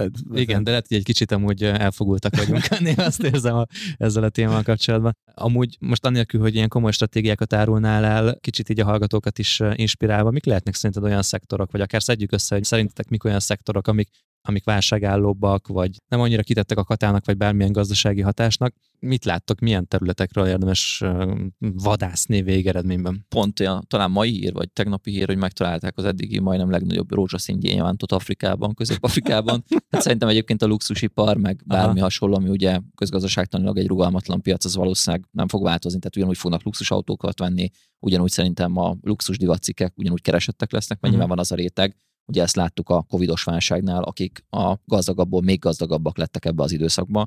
Tehát szerintem itt sajnos ez a, most nem akarom ezt a szót használni, mert szerintem alapvetően így pejoratív, meg engem is bánt, hogy, hogy a kis emberek fogják megszívni ezt az egészet, de vannak azok nyilván, akik olyan piacra lőnek, akik alapvetően a tehetősebb gazdag réteg, nekik továbbra is meg lesz a piacuk, tehát hogy rájuk ez nem lesz annyira nagy hatással szerintem. Hát meg szerintem a hobbi, meg a, a, a kis kedvencek. Tehát én a nyuszimnak ugyanúgy meg fogom venni azt a tápot, ugyanaz, megveszem azt a szénát, ugyanúgy megveszem azt a édességet, jutalomfalatot neki, tehát hogy... Bár a, itt azért hozzátenném, hogy, hogy azért nagyon durván drágult így a, az állattartás is, múltkor az Komolyan? egyik... Igen, az egyik, igen, az egyik barátom mondta azt, hogy őt megdöbbentette az, amikor az állatorvos számon kérte, hogy mégis hogy gondolja, hogy nem tudom, 20-30 ezret kért egy vizsgálatért, és mondta, hogy hát figyelj, a kis állattartás az luxus dolog, tehát hogy itt igazából szerintem az, hogy valakinek van már egy, egy kutyusa, egy nyula, vagy bármilyen egyéb kis kedvence, akkor gyakorlatilag úgy kell hozzáállnia, hogy oké, okay, ez egy elég komoly költséget fog jelenteni Igen. havonta. Ez így Vagy ugye jön ugye a, a vidéki szokás, ugye a lyukas fazék meg, ami marad, csak hát ugye nem biztos, hogy az a, a városba tartott állatoknak túlzottan szerencsés lesz. Egy gyereket is be tudok dobni ebbe a sztoriba, tehát hogy eh, nyuszit meg ilyeneket hoztak fel, de hát azért az más kategória egy gyerek. Na, igen, például ugyanezt... a családosok, tehát igen. hogy a pelenka, meg a babaruhák, meg a kisgyerekruhák, ez, ez ugyanaz a szektor, tehát amit Visszatér akkor a mosható pelenka korszaka? De ez már van. Van már? Persze, ez már Ó, nagyon is van, igen. Mondjuk én ebbe, ebbe vagyok a legkevésbé beedukáltabb a témába. Majd lesz majd, majd leszek. leszek. Igen, igen, igen. én ezt egy kicsit másik irányból közelíteném, meg nem feltétlenül a, a szektorból indulnék ki. Nekem az volt az a, alapfelvetésem, hogy azok a cégek lesznek válságállók, akik jól működnek, akik biztos alapon működnek, és ahol a cégvezető tudja, hogy mit csinál. És hogy én ezek felé, a cégek felé akarok menni, ahol látom, hogy fejlődni akarnak, nem pánikolnak, nem leépíteni akarnak, nem költséget akarnak csökkenteni, hanem azt látom, hogy mennek előre, és ez szerintem bármilyen szektorból jöhet, mert ahogy az előbb mondtuk a példát, a jó étterem ugyanúgy meg fog élni, és lesznek vendégei. Tehát az is egy tök jó ügyfél lehet, ha bár most azért nem fogadnék sajnos a, a vendéglátásra, mint érintetlenül hagyott szektorra. De lesz olyan étterem, aki tök jól fog ebből Igen, kijönni. csak pont pár napja hívott fel egy buli szervező ismerősöm, hogy mi lesz velem, mert hogy hozna a rendezvényeket, mert egyszerűen akikkel eddig ő, ő szerződésben állt, egyszerűen olyan díjakon tudják folytatni, ami neki nem kitermelhető. Tehát, hogy energiaipar is, tehát, hogy azért azt sokan nem tudják, hogy a, a B2B szektorban nem volt ársapka. Tehát a, a gáz, villany, egy konyhánál például egy vendéglátó ez egy, ez egy kötelező elem, és hogy azt is ki kellett gazdálkodniuk. Tehát a vendéglátás az önmagában sok helyről kapott pofont, és sok helyről fog is még, és ott lehetsz akármennyire tudatos, van-e pénzed kiülni egy Covid után. Tehát, hogy, hogy itt már egyre jobban látszódik Budapesten is, hogy, hogy a, akiknek több helyük van, nagy pénzük van, és nem költötték el az elmúlt tíz évben, azok, azok meg tudnak maradni. Ugye Noémivel mind a ketten marketing területen vagyunk szerintem, és hogy itt, itt nekem ez a kérdés valójában, hogy aki, akit elmondtál, tehát, hogy jól működő cég, volt tartaléka, tudatosan fejleszt, nekik most ez szerintem egy nagy vadászmezőt nyithat sok szempontból. Tehát ugyan igazából mind a kettő másfajta megoldással, de ugyanezt adjuk, hogy, hogy emberek elérése, embereknek a potenciális célcsoportnak az elérése lehet a megoldás. És az, aki most úgy építette az elmúlt években a cégét, hogy van tartaléka, van marketing büdzséje, akár növekvő marketing büdzséje van, annak ez szerintem aranybánya lehet sok szempontból. Igen, és ugyanez volt a COVID után is. Akkor is ezt javasoltuk, hogy aki teheti, az ne csökkentsen a marketing költségén, mert nagyot tud menni, és ez be is bizonyosodott. Tehát konkrét számokat tudok mondani azokról az ügyfeleinkről, akiknek volt tartaléka, és sokkal olcsóbban tudtak például Facebook hirdetést venni, mert hogy nagyon sokan kiszálltak a piacról, abba hagyták, csökkent a, a marketing zaj, és olcsóban több emberhez elértek, és nagyot tudtak fejlődni. Nekünk szerencsére az ügyfeleink 90%-a ilyen volt, egy-két ügyfelet veszítettünk el sajnos a, a COVID alatt, akik jellemzően egyébként vendéglátásból estek ki, pont ezek miatt, amiket mondtál, de alapvetően aki, aki tehette, az előrefelé ment, és ez egy nagyon jó stratégiának bizonyult akkor, és szerintem ez most is az lesz. És egyébként nem csak vizet prédikálok, mi is a többszörösére emeljük ilyenkor a marketing költségeinket. Hányszorosára? hanem piaci titok. Nem, nem, egyáltalán nem. Én amúgy sem költök sokat például konkrét hirdetésekre. Én a saját marketing költségem az ilyen havi 100 ezer forint körül szokott lenni, az is főleg a, az általunk írt blogcikkeknek a hirdetésére, kivéve amikor nagy rendezvény van, vagy ilyesmi, mert akkor magasabb, és azt most egy ilyen 200-ra emeltük, de szerintem lesz ez még háromszoros is. Nekem ugyanez van most, hogy nagyon abban gondolkozom, hogy azokat a marketing területeket, amiket eddig nem aknáztam ki, akár azért, mert spóroltam, vagy nem akartam energiát Ajánlói fordítani. rendszer? Nem feltétlenül, de minden, minden, ami marketing valójában, én oda most nagyon szeretnék energiát és pénzt fektetni, és egyébként én azt gondolom, hogy mi még azért egy eléggé kezdő vállalkozás vagyunk, tehát hogy tavaly alapítottuk a céget, tehát mögöttünk még nincsen akkora tartalék, hogy, hogy ezt emiatt tegyem meg, hanem azért, mert hogy azt gondolom, hogy mások lehet, hogy az én szektoromban pont nem így fognak gondolkodni, és nem a marketingre, meg az ügyfélszerzésre, meg a brandépítésre fognak fókuszálni, és lehet, hogy akár a saját magánvagyonomból fogok erre áldozni, hogy, hogy bizonyos területeket úgy meg tudjak erősíteni, hogy az, az éveken keresztül kihasson pozitívan. De pont a mi szektorunkban egyébként a pénz az nagyon jól helyettesíthető a befektetett energiával. Tehát, hogyha most nem tudsz nagyon sok pénzt költeni mondjuk egy ügynökségre, akkor készíts te tartalmakat, akkor csinálj egy podcastet, egyedül tanuld meg, hogy hogy kell, amennyire lehet, akkor csinálj hirdetéseket saját magadnak, akkor egy picit tanulj bele a grafikába, picit tanulj bele a marketingbe, tehát hogy ez helyettesíthető. Nyilván nem lesz olyan jó minőségű, mint hogyha egy profi csapat csinálna, de működőképes, és, és egy csomó pénzt tud fele spórolni. Igen, Gellért kíváncsi vagyok amúgy, mert szerintem eddig is nagyon nagyra járattad a kommunikációt, és folyamatosan elérésben gondolkoztál. Ez most hogyan változik meg számodra a következő időszakban? Van egy ilyen dédelgetett tervem, célom így az őszi időszakra. Ugye én most nagyon aktívan könyvírásban vagyok benne, aminek most augusztus végén van a leadási határideje a kéziratnak, de addig igazából nem kezdek bele így aktívabban tartalmat gyártani, mint eddig. Nyilván ugyanúgy jelennek meg új podcastok, jelennek meg szöveges tartalmak, meg LinkedIn-en elég aktív vagyok, tehát aki ott ismerősnek jelöl, követ, az látja, hogy azért napi egy-két tartalmat általában kirakok, tehát hogy ez nyilván egy ilyen konstans dolog, de én is azt látom, hogy érdemes lesz egyébként új csatorna irányába nyitni, nyilván skálázódás egyéb célnal, és én azt gondolom, és ezt majd elmondja Noémi, hogy egyetért vagy nem ért egyet, hogy azért a Facebook hirdetések világa az elmúlt években egyre inkább rossz irányba megy, egyre kevésbé lehet ugyanazt a performance marketinget megvalósítani, mint eddig, és én abban látom valamennyire a jövőt, hogy YouTube-ra érdemes áthelyezni így valamennyire a fókuszt, és ott egyébként a, azt a hirdetési stratégiát egy picit máshogy megvalósítani, mint eddig Facebookon. Úgyhogy én, hogyha valaki követi így a szívisárkos tevékenységet, akkor az őszi időszaktól elég aktívan láthat majd tőlem videókat. Az elmúlt években egyáltalán nem készítettem videókat, vagy nagyon keveset. Ez viszont nagyon drasztikusan meg fog változni ősztől. Addig meg igazából a könyvíráson vagyok teljesen elfoglalva, úgyhogy addig nem várható változás az én oldalamon. Itt mi a módszertan, vagy mi a, mi a szemléletmód igazából, hogy nagyobb elérést akarsz kihozni, vagy csökkenteni akarod a költségeidet, vagy hogyan gondolkozol a Azt mondják Amerikában az okosok, de ezt megint csak Noémi majd megerősíti, vagy megcáfolja, hogy YouTube-on hirdetni olcsóbb kezd uh-huh. lenni, mint Facebookon, ugyanazzal a, az ered, ugyanazt az eredményt lehet gyakorlatilag által elérni, picit más stratégiával, nyilván más a tartalomnak a formátuma, de ugyanúgy gyakorlatilag a YouTube keresőmotorként működik, nyilván be lehet hirdetni gyakorlatilag organikus tartalmakat, ami később eljutatja az ügyfelet a fenelbe, miután az ügyfél bejutott a fenelbe, gyakorlatilag végigmegy azon a marketing gépezeten, amit létrehozott a vállalkozás, és az, hogy úgymond mi az a bemeneti pont, ahol valaki bekerül az értékesítés töltsérbe, az gyakorlatilag a vállalkozás szempontjából majdnem irreleváns, hogyha valaki egy tudatos marketingbe gondolkodik. Inkább szerintem az a, az a kérdés, hogy mennyire vagy képes úgymond megtalálni az ügyfélnek a problémáját, problématudatát egy másik csatornán keresztül, és hogy tudod kialakítani úgy a vevőszerző folyamatodat,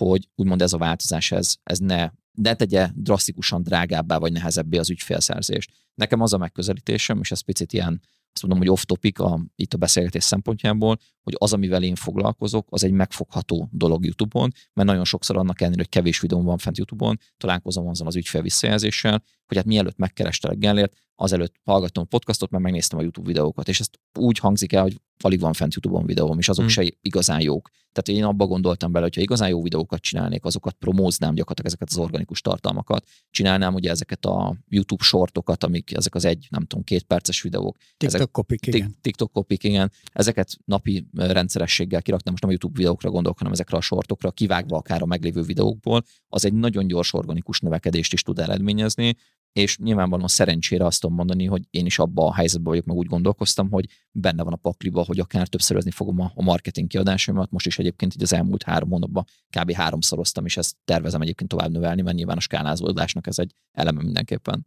Oké, okay, megvan a koncepció, úgy látom, és ráadásul ez még meg lesz egy könyvvel is bolondítva. Tehát Már a, alig várom. Igen. igen, gondolom. És amiket mondtál a könyvedről, ugye a Szíviság podcastben azért így meséltél erről, hogy azért nem csak az álláskeresésről szól, hanem rengeteg olyan tudás fog felhalmozódni benne, ami a te fejedben amúgy megjelenik, és ami téged érdekel, úgyhogy én szó szerint én tűkönülök. Remélem. Úgyhogy, remélem. úgyhogy vár, vár, várom ezt, de amúgy is arra is nagyon kíváncsi vagyok, hogy a könyvet hogy fogod beépíteni a marketing stratégiádba, mert azért azt gondolom, hogy ez valahogy így a funnelnek a második vagy első helyén fog el, elhelyezkedni kísértékű termékként, de hogy ez így nagyon izgi, hogy te ezt mint egy eszközt tudod használni majd a következő időszakban, mint hitelesítő eszköz és mint terméket. Szép lesz, szép lesz. És Noémi, te azon túl, hogy megnöveled most két szeresére a hirdetéseket, van valami olyan stratégiai változás a saját marketingedben, kommunikációdban, amit be fogsz vezetni? Igen, de mielőtt erre rátérek, reagálnék, hogy nekem baromira tetszett ez a stratégia, amit felvázolt, ez szerintem tök jól fog működni. Kétszer is említetted, hogy reagálok majd rá. Valóban a, a YouTube-on olcsóban lehet hirdetni, mint a Facebookon, ha letisztítunk róla minden mást, de azért ott nagyobb a belépési küszöb. Tehát ahhoz, hogy jó minőségű videót csinálj, abba azért több pénzt, vagy sokkal több energiát kell befektetni. Ez azoknak lesz jó, akik mondjuk ki tudnak állni a kamera elé, szívesen beszélnek, nekik viszont nagyon megéri. És um, kicsit válaszolva a te kérdésedre is, Adrián, én most inkább abban látom a marketing erejét, hogy minél több csatornát kezdjünk használni, nem végtelen számú, tehát nem fogok, kis valószínűséggel fogok elkezdeni TikTokozni, de most már tényleg elindítom majd a podcastet. hiszem, um, hiszem hallom.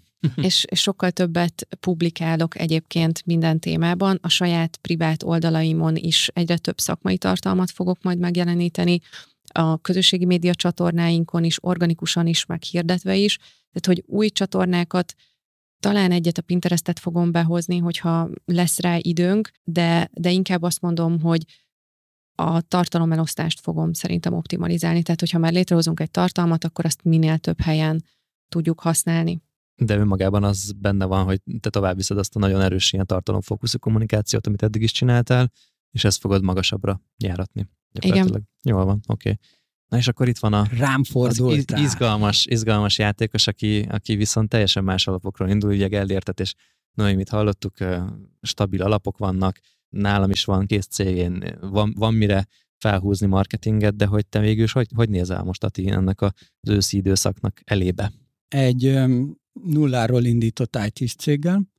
Hát valahol szerencsés is, meg nem is vagyok az időzítés kapcsán, de amit az outsourcingra, az IT-s outsourcingra itthon nagyon sokan ráálltak, és igazából nagyon sokan arra fognak, ugyanaz fog lejátszódni, mint a Covid alatt a, az autóiparban, hogy a hosszú ellátási lánc, tehát itt mindenki ráraktak kis százalékát, és a kapcsolati tőkéjéből keresztül ugyanannak a 6-7 cégnek adta el végül. Elindult az A cégtől a fejlesztő, az átment még kettő-három cégen, mire eljutott a, a végső cégig. Ez le fog rövidülni. Tehát, hogy itt most nagyon sokan kiesnek a buliból, mert egyrészt nem fogja tudni mindenki rápakolgatni a kis 10%-át, illetve sokkal jobban előtérbe fog helyeződni a kapcsolat. Részletekben nem akarok elveszni, de nyilván benne van a, a BB is, mint ö, egy csatorna, hogy ezért is dolgozok az IT-s minisorozaton, illetve az, hogy én ismerem ezeknek a nagy cégeknek a tulajdonosait vagy CEO-it, és hogy én közvetlenül el tudok jutni hozzájuk, a kis cég, akiknek van az IT-ban egy 100-150 milliós árbevételig azért egy kis cégről beszélünk, akiknek meg nincs meg az a kapcsolati tőkéjük, hogy a nagy cégekhez be tudjanak kerülni. És az én célcsoportomban igazából ezek a kis cégek vannak, akik van pár főfejlesztő, és hogy projekteket nem tudnak elvállalni, mert az amúgy is a magyar piacon az, az ilyen nagyon privilégium. Egyszerűen akata miatt nekik megváltozik a költségszerkezetük, és egyszerűen kell nekik a munka. Tehát, hogy azokat a, mint egy közvetítő fogok én itt belépni, de egy két-három lépcsőt ki tudnak hagyni azzal, hogyha velem dolgoznak. Ergo bevételt tudnak növelni, sőt, még profitot is tudnak növelni, a helyet, hogy végigmennének azon a 3-4-5. Olyan megbízás broker leszel gyakorlatilag. Igen, adatbroker. Hát ilyen, ilyen fekete kesztyűs, fekete öltönyös, ilyen megoldó, elintéző embernek látlak, hogy így... Jó, nagyon gonoszan festettél le, de... Kiszállsz a fehér kabrióból, és, és, és így megoldasz ilyen problémákat. Elhelyezed az embereket a megfelelő helyekre. Nem egyébként tök érdekes, hogy itt a part-time-nak, a részmunkaidős kapacitásoknak a kihasználatlansága az, az iszonyat, mert nagyon sok cég elmondta azt, hogy neki van még egyébként részmunkaidőben erőforrása, de az még egy ilyen kiforratlan dolog itthon, és több embert kérdeztem, és ez, ez lesz az IT minisorozatnak az egyik ilyen pikantériája, hogy mi van ezzel a kihasználatlan erőforrással, mert holott arról beszél mindenki, hogy úristen, kellene még munkaóra, kellene még munkaóra, de ugye, amit a fejlesztők nagyon gyűlölnek, a sok meeting miatt a part-time azért így, így háttérbe szorul. Közvetetten meg azért érint ez a, ez a katás történet, mert ugye a kis cégek ugye katásként foglalkoztatták az IT-szektor, tehát erről szkár tagadni, az IT-szektor is egy iszonyat nagy haszonélvezője volt a, a, a katának. Tehát, hogy ezt fel kell vállalni, ezt el kell fogadni, és ott azért most mennek a kőkemény matekok. És főleg úgy, hogy, hogy mindenki, igen, tudatában van annak, hogy, hogy voltak túlértékelt fejlesztők, és hogy, hogy senki nem tudja azt, hogy mi lesz három-négy hónap múlva az ilyen kisebb cégek közül. De azért mondjuk pont a, az IT fejlesztői piac szerintem az, ahol az a, az adókülönbözet, amit eddig ki kell, vagy a, eddig és a mostani között ki kell fizetni, az a a bérekhez képest az kisebb arányban jelenik meg. Tehát, hogyha valaki mondjuk 7-800-900 ezer forintot keresett fejlesztőként, és eddig volt 50 ezer forint a katája, aztán meg mondjuk lesz 100-150, az kevésbé van kitéve ennek. Tehát én azt gondolom, hogy ott azért jobban el fogják fogadni azt, hogyha át kell menni általányodóba, be kell akár mondjuk osztozik a munkáltató és a, a munkavállaló ezen a vesztességen, ez a sztori szerintem így el fog rendeződni Abszolút. néhány hónap alatt ebből a szempontból. Abszolút, csak hogy itt pont a, az ellátási láncról beszélek, hogy az nem fog beleférni, hogy mindenki rápakolgatja a 10 ja, ja, ja, ja, ja. és hogy, persze, hogy persze. ennek kell rövidülnie, mert itt volt egy, egy ügyfeletek, akikvel vettünk fel egy szponzorblokkot, ugye, és ő is elmondta azt, hogy most nagyon sokan ki fognak hullani az outsourcing piacról. Tehát, hogy, hogy azok, akik így, jó van, én ismerem őt, ezért gyere hozzám, én beviszlek oda, az most így ki fog esni. Mm. Hát nem tudom, mert, mert azt gondolom, hogy amúgy ezt az árat elfogadta már a piac, hogy nem tudom, X-ért dolgozik ez a cég, és ebbe az X-ből bele volt kalkulálva ez a két-három lépcső, amit eddig is kifizettek. Ez növekszik meg valójában az általányadós átállásnak a különbözetével, így valójában a, a, az ügyfelek, akik végül igénybe veszik ezt a szolgáltatást, ténylegesen csak annyival fizetnek többet, mint amennyi erre az adó miatti rápakolás, a különbözet nem tudom, hogy egyébként úgy hangzik, hogy versenyelőny lesz nálad. Már önmagában, most független attól, hogy kata vagy általányadó, önmagában ez egy versenyelőnynek tűnik, hogy te a jelenlegi áron is olcsóbbnál, olcsóbban tudtál volna működni. Igen.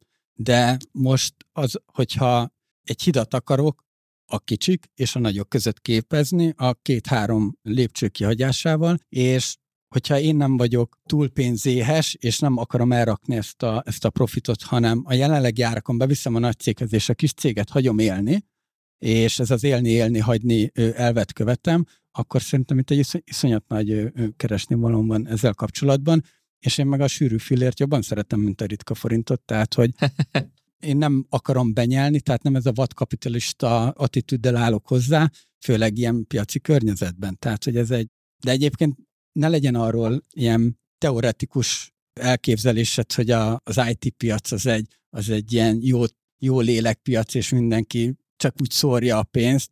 Hát nem. Tehát, hogy igen, igen, pofátlanul tudnak sokan tárgyalni, meg, meg pofátlan napi díjakkal ajánlanak. Tehát, hogy érdekes, érdekes sztori. Szerintem az építőipar után egy, egy, az egyik leggusztustalanabb, de ez már egy ilyen másik beszélgetés. Jó van, akkor találtál egy piacot magadnak a vendéglátás után, ami kifejezetten hasonlóan izgalmas és kihívásokkal Vonzom az ilyeneket. Nehéz terepet szereted. Vonzom akkor. az ilyeneket, igen. Az az igazság, hogy mindenki azt hiszi, mert hogy kívülről olyan könnyűnek tűnik ez, a, ez az IT-s dolog.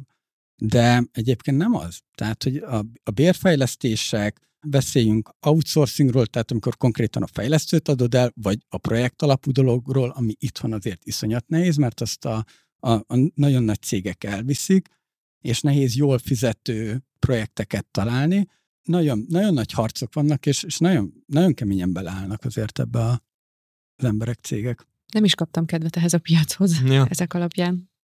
Hát köszi, izgalmas ez a helyzet nálad is, Ati, úgyhogy nagyon kíváncsi vagyok, hogy a közeljövőben erről mennyit tudsz majd mesélni. Én azért azt kívánom neked, hogy egy kicsit így próbálj meg megnyugodni, és a, a békét keresd, és a, a, azokat a helyzeteket, ami stabil vállalkozáshoz vezethet, szóval a, de én azért azt gondolom ebből, hogy itt ez egy, ez egy nem egy befektetés fókuszú, vagy befektetésorientált finanszírozás fejnehéz biznisz nálad, hanem tényleg ez egy szolgáltatás, aminél valójában a, a költségeid, azok lenne a fix költségeid, azok szinte nem léteznek, vagy minimálisak.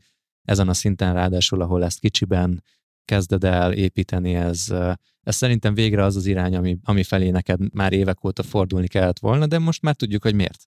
Mert hogy az elmúlt években ugye, aki hallgatta a BB-t, azért látta azt, hogy te végig, hogy mondjam, szóval, hogy végig küzdötted ezt a, hát a vendéglátós, vendéglátós világot. Vendéglátós világgal igen, de a másik fejlesztő cég az hál' Istennek azért hasított, tehát uh-huh. hogy azért az adott egy biztonsági hálót. Meg tapasztalatot most... és kapcsolatrendszert, amit így most van, így van. ki tudsz aknázni. Jó van, hát azt hiszem, hogy itt körbeértünk, és mindenkiről volt szó. Én azt remélem, hogy a hallgatók is találtak egy-két olyan üzenetet, amiből lehet táplálkozni. Ha egy valamit elviszek ma, akkor az talán a Noémitől van, ahogy így... Egy te... podcastot indít?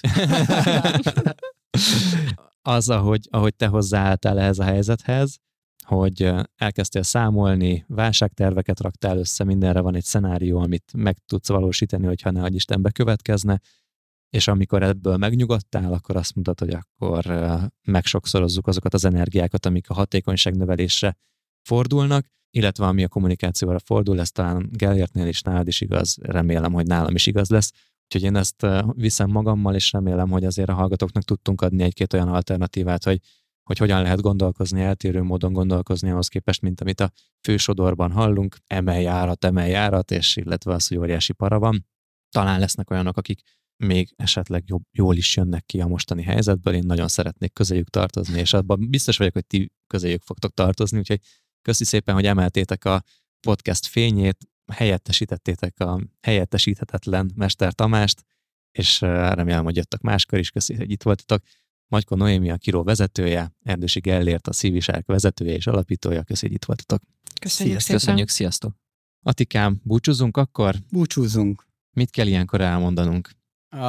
Ezt már felvehetnénk egyébként, és a végén csak a kittinek be kellene De mindig vágni. olyan izgalmas, hogy itt szerencsétlenkedünk. De, de az én, előbb én... nem mondtad a VOIZ-t igen. az előző Igen, adásban, igen, de... igen. Aki, aki fejlődni és inspirálódni szeretne a Business Boys mellett, eh, nyugodtan hallgathat jó minőségű hangos könyveket, azt megtalálja a Voizon, kedves partnerünknél, akihez egy 90%-os kuponnal kedveskedünk, ez a businessboys.hu per VOIZ oldalon megtalálható, ott kell feliratkozni, és egyből küldjük a, a kódot, nem küldünk utána semmilyen hírlevelet, úgyhogy csak a kódot küldjük ki, ilyenkor az e-mail címet cserébe. Viszont van egy hírlevél, amiről viszont érdemes beszélnünk, és amire érdemes feliratkozni, ez pedig az impulzus hírlevél, ami azt hivatott betölteni, ami két BB adás között egy hatalmas tátongó, mély, fekete űrként megjelenik az emberek lelki világában, emberek lelkében, ez pedig az, hogy nincsen BB tartalom. Ez nem igaz, mostantól már van, hogy minden második héten az impulzus hírlevél szolgáltatja ennek az űrnek a betöltését.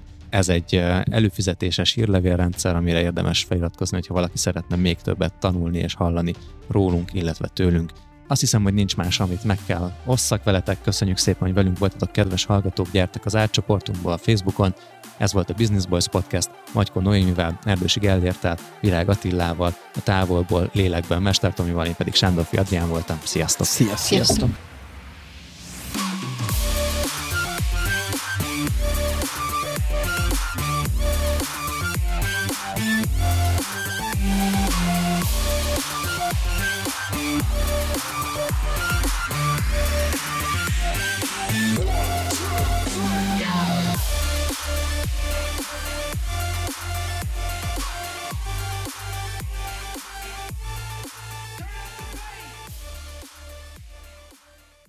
Brocasters.